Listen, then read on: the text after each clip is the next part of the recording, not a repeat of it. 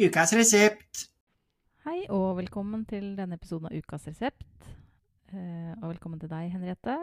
Jo, tusen takk. I dag så skal vi eh, snakke om utenforskap. Vi klarer vel ikke å ha noe ordentlig kur, vil jeg tro. Nei, det blir vel heller en samtale rundt uh, Ja. assosiasjoner, tenker jeg, istedenfor en kur. Det, Ja, eller det kan være opplysning for de som ikke føler på utenpå, utenforskap, da. Ja. Om eh, hvordan det kan være for andre. det er sant. Du har med deg en bok.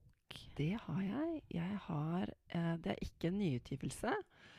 Boken er 'Min egen sak', skrevet av den japanske forfatteren Ken Saburo Oe. Og den kom ut i 1964. Um, Kan jeg spørre om noe? Ja. For du har Når du liksom spør, du spør jo innimellom sånn 'Har du lest den her?' Og så tror jeg nesten aldri har sagt ja. Hvor i all verden er det du får inspirasjon til eh, For stort sett så er det ting jeg ikke har hørt om. Nei, du skjønner det at jeg har en veldig dårlig uvane. og det er at jeg går inn på lister og uh, anbefalinger fra andre forfattere, både norske og utenlandske. Og så kjøper jeg en hel del bøker, men så får jeg ikke lest dem. Nei. Nei. Nei, du har en sånn hylle hjemme, du òg, ja? Ja. så nå prøver jeg å jobbe meg gjennom den hyllen. Ah, Ja. Nyttårsforsett i år. Ja, ja, ja. Og dette er en av dem. Og det høres veldig sånn akkurat ut som om det er en, en forferdelig oppgave, og det er det jo ikke. Men det er litt sånn Det er så mye som kommer inn når man er bibliotekar. Ja. Av nye ting. Men dette er da en av de jeg har hatt på hyllen um, som jeg tok tak i. Spennende. Ja. Og det ble veldig spennende til slutt. Um, romanen ble altså utgitt i 1964, og han er jo nobelprisvinner i litteratur, OE. Um, det er vel kanskje den han er mest kjent for, i hvert fall utenfor Japan, tror jeg. Og den er- delvis inspirert av hans liv, uh, fordi han har en sønn, Hikaru, som er funksjonshemmet. Og boken handler om Hovedpersonen er Bird. Han er en mann i 20-årene som venter på å få beskjed om at hans første barn har kommet til verden. Og barnet blir født med en hjerneskade. Og boken da sentrerer rundt Birds reaksjon og hans handlinger i etterkant av fødselen. Mm. Han ser helst personlig at barnet dør, eh, men han våger ikke å gjøre noe med det selv. Han våger ikke å ta barnets liv selv. Um, og dette da går inn i et liv hvor han fram til da har unngått å ta viktige valg, flyktet fra um, ja, viktige beslutninger. Så flykter han også nå fra barna og fra kona. Um, flytter inn hos en venninne som selv har sine egne problemer og ja, sin flukt uh, det hun er i sorg etter at mannen tok selvmord. Mens, og da, etter hvert så får disse to en idé om at de skal reise til Afrika sammen. OK. Så er en veldig definitiv og fysisk flukt um, ut av landet. Jeg har egentlig ikke lyst til å si så veldig mye mer enn det. Um, det skjer mer i boken, og selvfølgelig. Ja, dette er på en måte en tredjedel, som jeg har snakket om nå. Men det er jo først og fremst tema eh, om utenforskap, som vi skal snakke om i dag. uh, men funksjonshemming og hvilken skam det bringer med seg Mm. for hovedpersonen Bird. Um, men også en skam som nok føles mye sterkere i Japan kanskje enn i andre land. Kan jeg spørre om det? Jeg er ikke sikkert du vil røpe det, da, men uh skammer han seg over ba Altså ikke bare, da, men skammer han seg over barnet sitt, som da ikke er perfekt, eller hva det nå skal Ja. eh, eller, skammer han seg også over seg selv? Begge deler, Ja, tror jeg. Nok ja. absolutt. Det er en sammenblanding der. En Mm. skam over hans egne reaksjoner. Mm. Uh, han skjønner jo helt klart at han ikke bør reagere på den måten han reagerer på, men um, han klarer ikke å gjøre noe med det. Han, han ønsker nok å være en ehm, Et mer voksent menneske, hvis man kan si det sånn. Ja. Men han klarer det ikke. Han skammer seg over seg selv, han skammer seg over barna, han skammer seg over situasjonen, han skammer seg over andres Altså st har sterke reaksjoner på sykehuset. Um, hvordan legene reagerer, for de reagerer også med skam. Mm. Um, men altså, altså alt dette her går inn i Han skammer seg over um, hvordan han forholder seg til sin uh, svigerfar, hvordan han forholder seg til sin jobb. Men han bryr seg ikke samtidig. Altså, han, han bare lar det ligge. Han Ja. klarer ikke å forholde seg til det. Og det er jo en Ja, mange av oss har jo sånne reaksjoner. Hvis vi kommer Mm. inn i veldig vanskelig situasjon, så, vi ikke, så bare viker vi unna. Ja. Vi trekker oss bort, og det er det han gjør.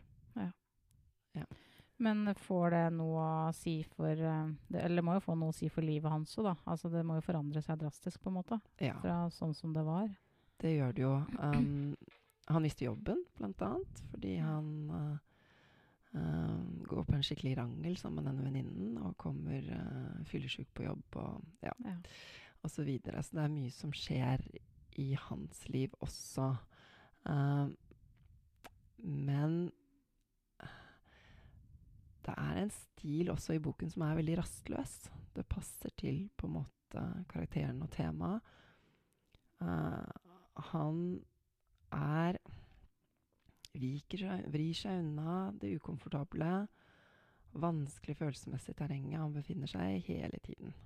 Mm. Han vil ikke da liksom han, Kona hans spør han rett ut. Hun får jo ikke vite hva som har skjedd med barnet engang. Nei.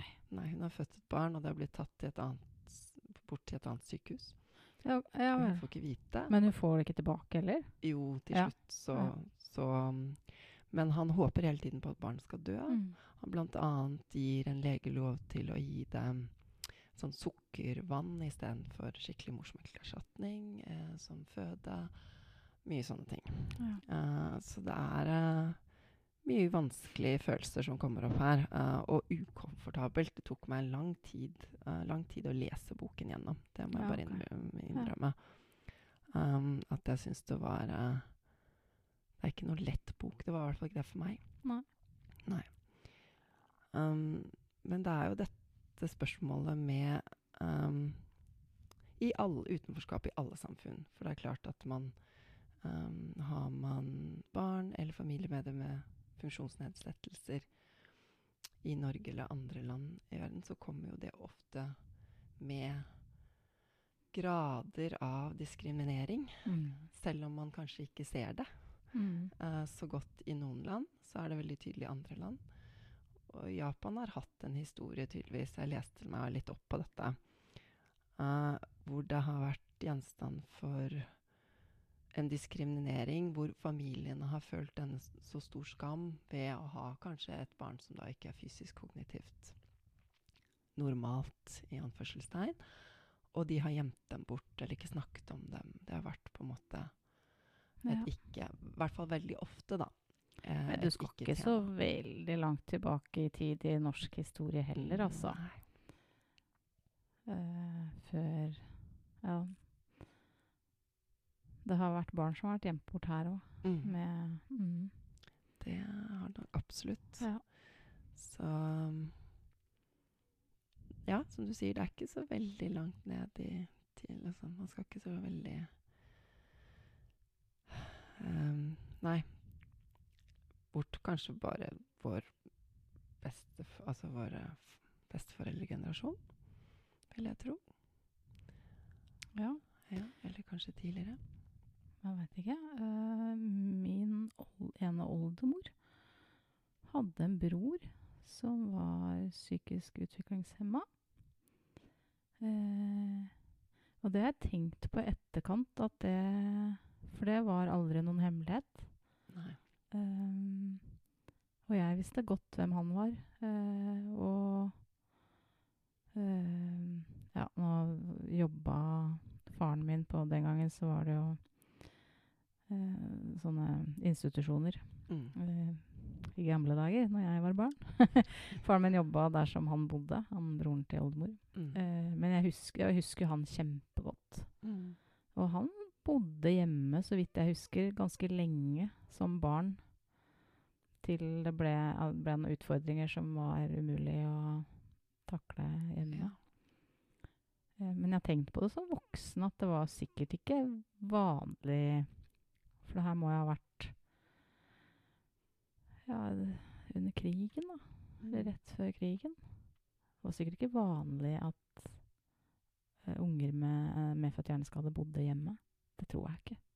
Nei, kanskje Jeg tror det kan ha vært var, Jeg tror det var spesielt, liksom. Kan nok stemme. Mm. Mm. Nei. Det var Ja. det. Det var det. Den, den kan anbefales, selv om uh, det var vanskelig å komme inn i den uh, pga. ja, tema, Ja. uh, rett og slett. Ja. Eh, så kan den absolutt anbefales allikevel. Jeg har en bok som er uh, for så vidt litt av det samme, men fra en annen synsvinkel. Ja, det er jo interessant. For jeg har med meg 'Prøve og feile' av Jan Grue. Den boka som kom nå i høst. Eh, og han har jo skrevet flere mm, bøker om eh, det å være ha en funksjonsnedsettelse. Han sitter vel selv i rullestol. Akkurat nå husker jeg jo ikke hva den sykdommen som han har, heter. Det er en eller annen muskelsykdom. Du har skrevet flere bøker om det, litt mer sånn selvbiografisk, mens det her er en, eh, en roman. Um, den handler om Magne og Hanna, som er nesten som alle andre par. De er godt opp i 20-åra og har vært sammen i flere år. Og så har de da fått en liten datter, Thea. Og Thea er et halvt år. Eh, og Thea sover ikke, så de har et halvt år uten søvn. Det står beskrevet hvordan stua ser ut hjemme der, og jeg så det for meg. Jeg tenkte, «Å, stakkars, det er jo ikke, Du får ikke energi i et hus som er liksom Du får ikke energi til å gjøre noen ting når det er leker og asjetter og Nemlig. matrester og, søppel og, og overalt, liksom. Eh, og det er jo slitsomt å ha barn som ikke sover. Eh, det vet jeg alt om. Ja. Men den familien her har da en ekstra utfordring, fordi Magne han sitter i rullestol.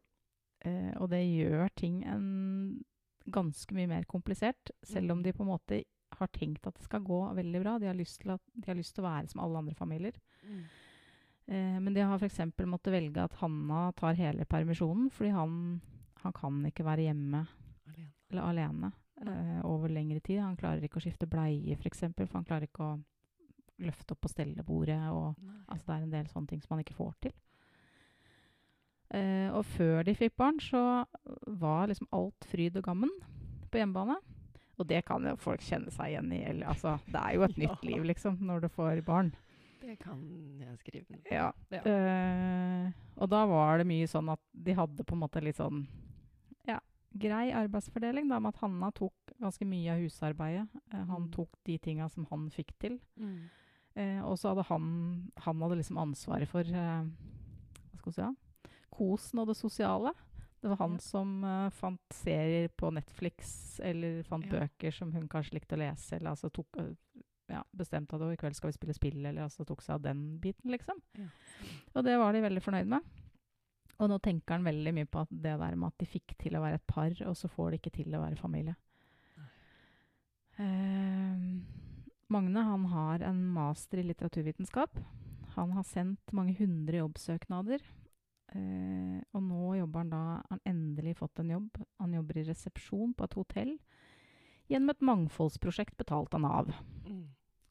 Eh, og jeg tenker liksom Master i litteraturvitenskap, altså hvorfor skal en rullestol forhindre deg i å kunne jobbe innen noe det, altså der det er relevant, liksom? Og er det fremdeles en realitet? Det er litt overraskende. Ja, jeg, men, men. eh, Det er, ja. Jeg veit ikke. Ehm, altså, jeg tenker Jan Grue har jo førstehåndskjennskap til det her, Mm. liksom. Selvfølgelig. Og han har jo veldig lyst, da, Magne, til å vise at han fungerer som alle andre. Kan ha en vanlig jobb som alle andre. Men så har han altså det er ja, sånne ting som jeg ikke har tenkt på, liksom. Av utfordringer. For han er da avhengig av å ta taxi til jobb. Mm. Han har da en sånn elektrisk rullestol, ikke sant? så han må Mm. ha en sånn maxitaxi. Ja. Eh, Og den er da bestilt på forhånd fast, liksom, til morgenen klokka sånn og sånn. Så han skal rekke jobben til da og da. Han har vakt. Han har turnusordning i resepsjonen på hotellet. Så han, har, Mm. ja, han er jo liksom inne i vaktordning, sånn som alle andre. Og noen ganger så kommer taxien for seint. Fordi de har da kjørt Fordi dette er da et firma som kjører de taxiene. Det er det de driver med, liksom. Altså de kjører folk i Mm, rullestol, eller mm. kjører Ja. Og da kan det, sant, det kan være fra sykehuset tilbake til sykehjemmet, eller det kan Ja. være til en lege, eller til Nav, eller hva vet jeg, av ting. Og det er akkurat som om de på en måte ikke klarer å forholde seg til at her er det en mann som skal på jobb. Nei. Han er en Han er Altså, han blir jo behandla som sånn annenrangsmenneske, tenker jeg. Um, og hvis en, noen ganger når han er i rute, så har taxisjåføren tatt med seg en passasjer til. Fordi Sikkert for å spare penger, da. På ti, eh, Ja. Og da er, da er det på en måte Da er han prisgitt hvis taxisjåføren mener at han an, den andre passasjeren skal leveres først. Eh, så gjør de det. Og så kommer han for seint på jobb. Og så ringer han kontoret, det taxikontoret, og så er de sånn Ja, nei, men det får vi jo ikke gjort noe med. Han prøver å forklare at ja, men jeg skal jo på jobb. Ja, men det, det, er, sånn det, fungerer, det er sånn det fungerer, liksom. Eller ikke fungerer. Altså Det er ordentlig respektløst. Jeg, Ja. jeg satt og bare tenkte herregud, noen må jo filleriste de her folka, liksom. Ja. Det går ikke an. Nei.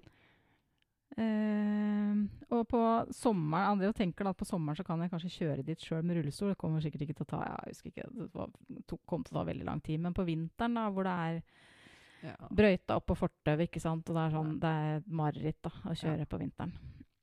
Um, og på jobben så er det jo problematisk at han kommer for seint. Ja.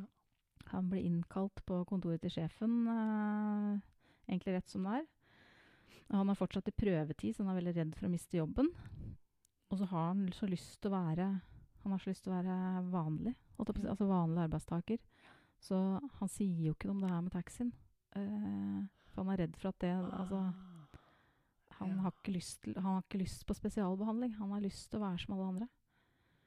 Ja. Eh, og så, i tillegg til det, så er jo jobben for mye. Uh, Han jobber full jobb, tror jeg. Og når han kommer hjem, så er han da så sliten at han ofte må gå og legge seg.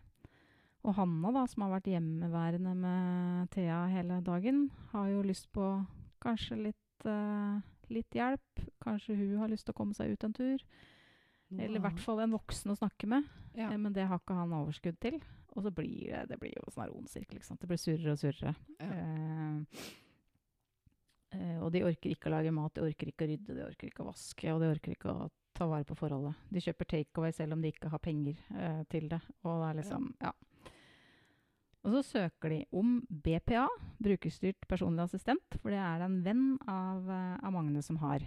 Ja. Eh, men vennen til Magne han kommer fra en veldig ressurssterk familie, der foreldrene på en måte er stolt av sønnen sin, eh, stiller opp for sønnen sin, eh, kjemper for hans rettigheter.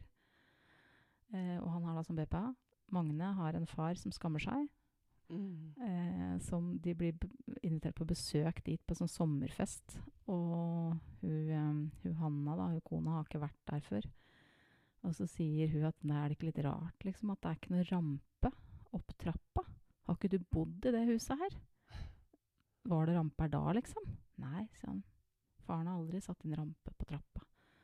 Så da har han da måttet bli- dratt opp, eller bli båret opp, eller For faren vil ikke at det skal synes at han har en sønn som sitter i rullestol, eller et barn som sitter i rullestol. For han er en eller annen kjent forfatter og er liksom Ja. Så han skal ikke liksom ha det ved seg, på en måte. Skyver det unna, det også. Ja. Mm. Og mora har, har, ja, er vel ikke helt sånn Hun har sine egne greier, tror jeg. Så han har liksom ingen foreldre som stiller opp, da. Og søker den der BPA. Eh, da kommer det en dame som eh, skal da se hvordan de har det hjemme. Og hun har et skjema. Og det skjemaet der er det ikke noe rom for at det, at det her er et menneske, liksom. At de har et liv. Hans ønske er jo at han skal kunne få bistand sånn at han kan være aleine med barnet sitt, men at det ikke er farlig fordi det er noen andre der. ikke sant? Mm, Det, er det, det er det de ønsker seg. Eh, men da må hun, altså hun sier til med at hun, må være med, hun skal være med han på do for å se hva slags funksjonsnivå han har på do. Hva han klarer sjøl. Eh, det, er, det er helt sånn sjokkerende. Nå vet jeg ikke om dette er sånn i virkeligheten, men eh, ja. Eh, han får da ikke BPA. Han får innvilga hjemmesykepleie to timer i uka. Og møter da et system som liksom ikke Altså ha, ha- han, han får liksom ikke noe forståelse for hvem han er, eller altså Han trenger ikke hjemmesykepleie, liksom. Nei, nei, nei. Eh, og så har de da i tillegg til mye sånn praktiske utfordringer, så um, bekymrer da Hanna seg mye. Hun bekymrer seg for Magne når han er sammen med Thea.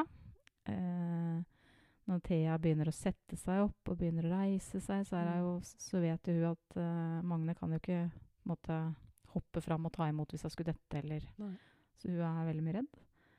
Eh, og så bekymrer hun seg for sykdommen til Magne, fordi den, han har da en muskelsykdom som sannsynligvis blir verre etter hvert som han blir eldre. Ja. Og hun kjemper liksom for dem, og hun kjemper for han. Og hun kjemper egentlig ja, både i seg sjøl, men òg overfor venner, f.eks.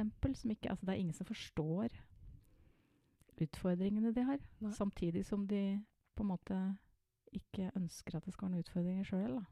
Men det er jo det. Mm, Nei, man kan jo egentlig ikke forstå hvis man ikke har stått i det selv. Nei, men så er det Hun oppfatter det veldig sånn som at eh, eller, Og han har levd i det hele livet, så han ser det ikke så godt sjøl, tror jeg. Men hun ser det veldig godt at det, først, altså det alle ser, er rullestol. Ja. Det er ingen Mm. som ser han. Eh, mens hun ser jo han, ikke sant. For det Ja. bra mennesket han er. Mens de andre er sånn Altså, det er Ja, de ser rullestolen, liksom. Ja. Mm.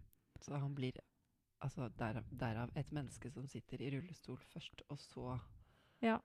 Og så er det akkurat Mm. som om den rullestolen på en måte ikke egentlig betyr at du har bein som ikke fungerer. Den betyr også at du har et hode som ikke fungerer. Altså Ja. eh, Og det Ja, han skulle jo ikke bli diskriminert uansett hva som ikke funker på topp, holdt jeg på å si. Men altså, ja. Ja. Og det er, altså, de har et tilfelle hvor de skal ta buss, hvor eh, bussjåføren For da har jo busser sånn rampe som de kan Mm, legge ut. mm. Og bussjåføren bare sier ja, men det er ikke min jobb. Jo. Og de står der helt fortvila og bare sånn Altså, den rampa er jo den bussen, så det er jo hvem sin jobb er det. Det er ikke den som sitter i rullestol sin jobb, i hvert fall, å legge ut den rampa, liksom. Og dette så jeg, for jeg går på en eller annen Jeg så en TV-serie nå ja, Den ligger på en eller annen strømmekanal om en ung jente som ble sittende i rullestol. Eh, og der var akkurat det med bussen. Det var der òg.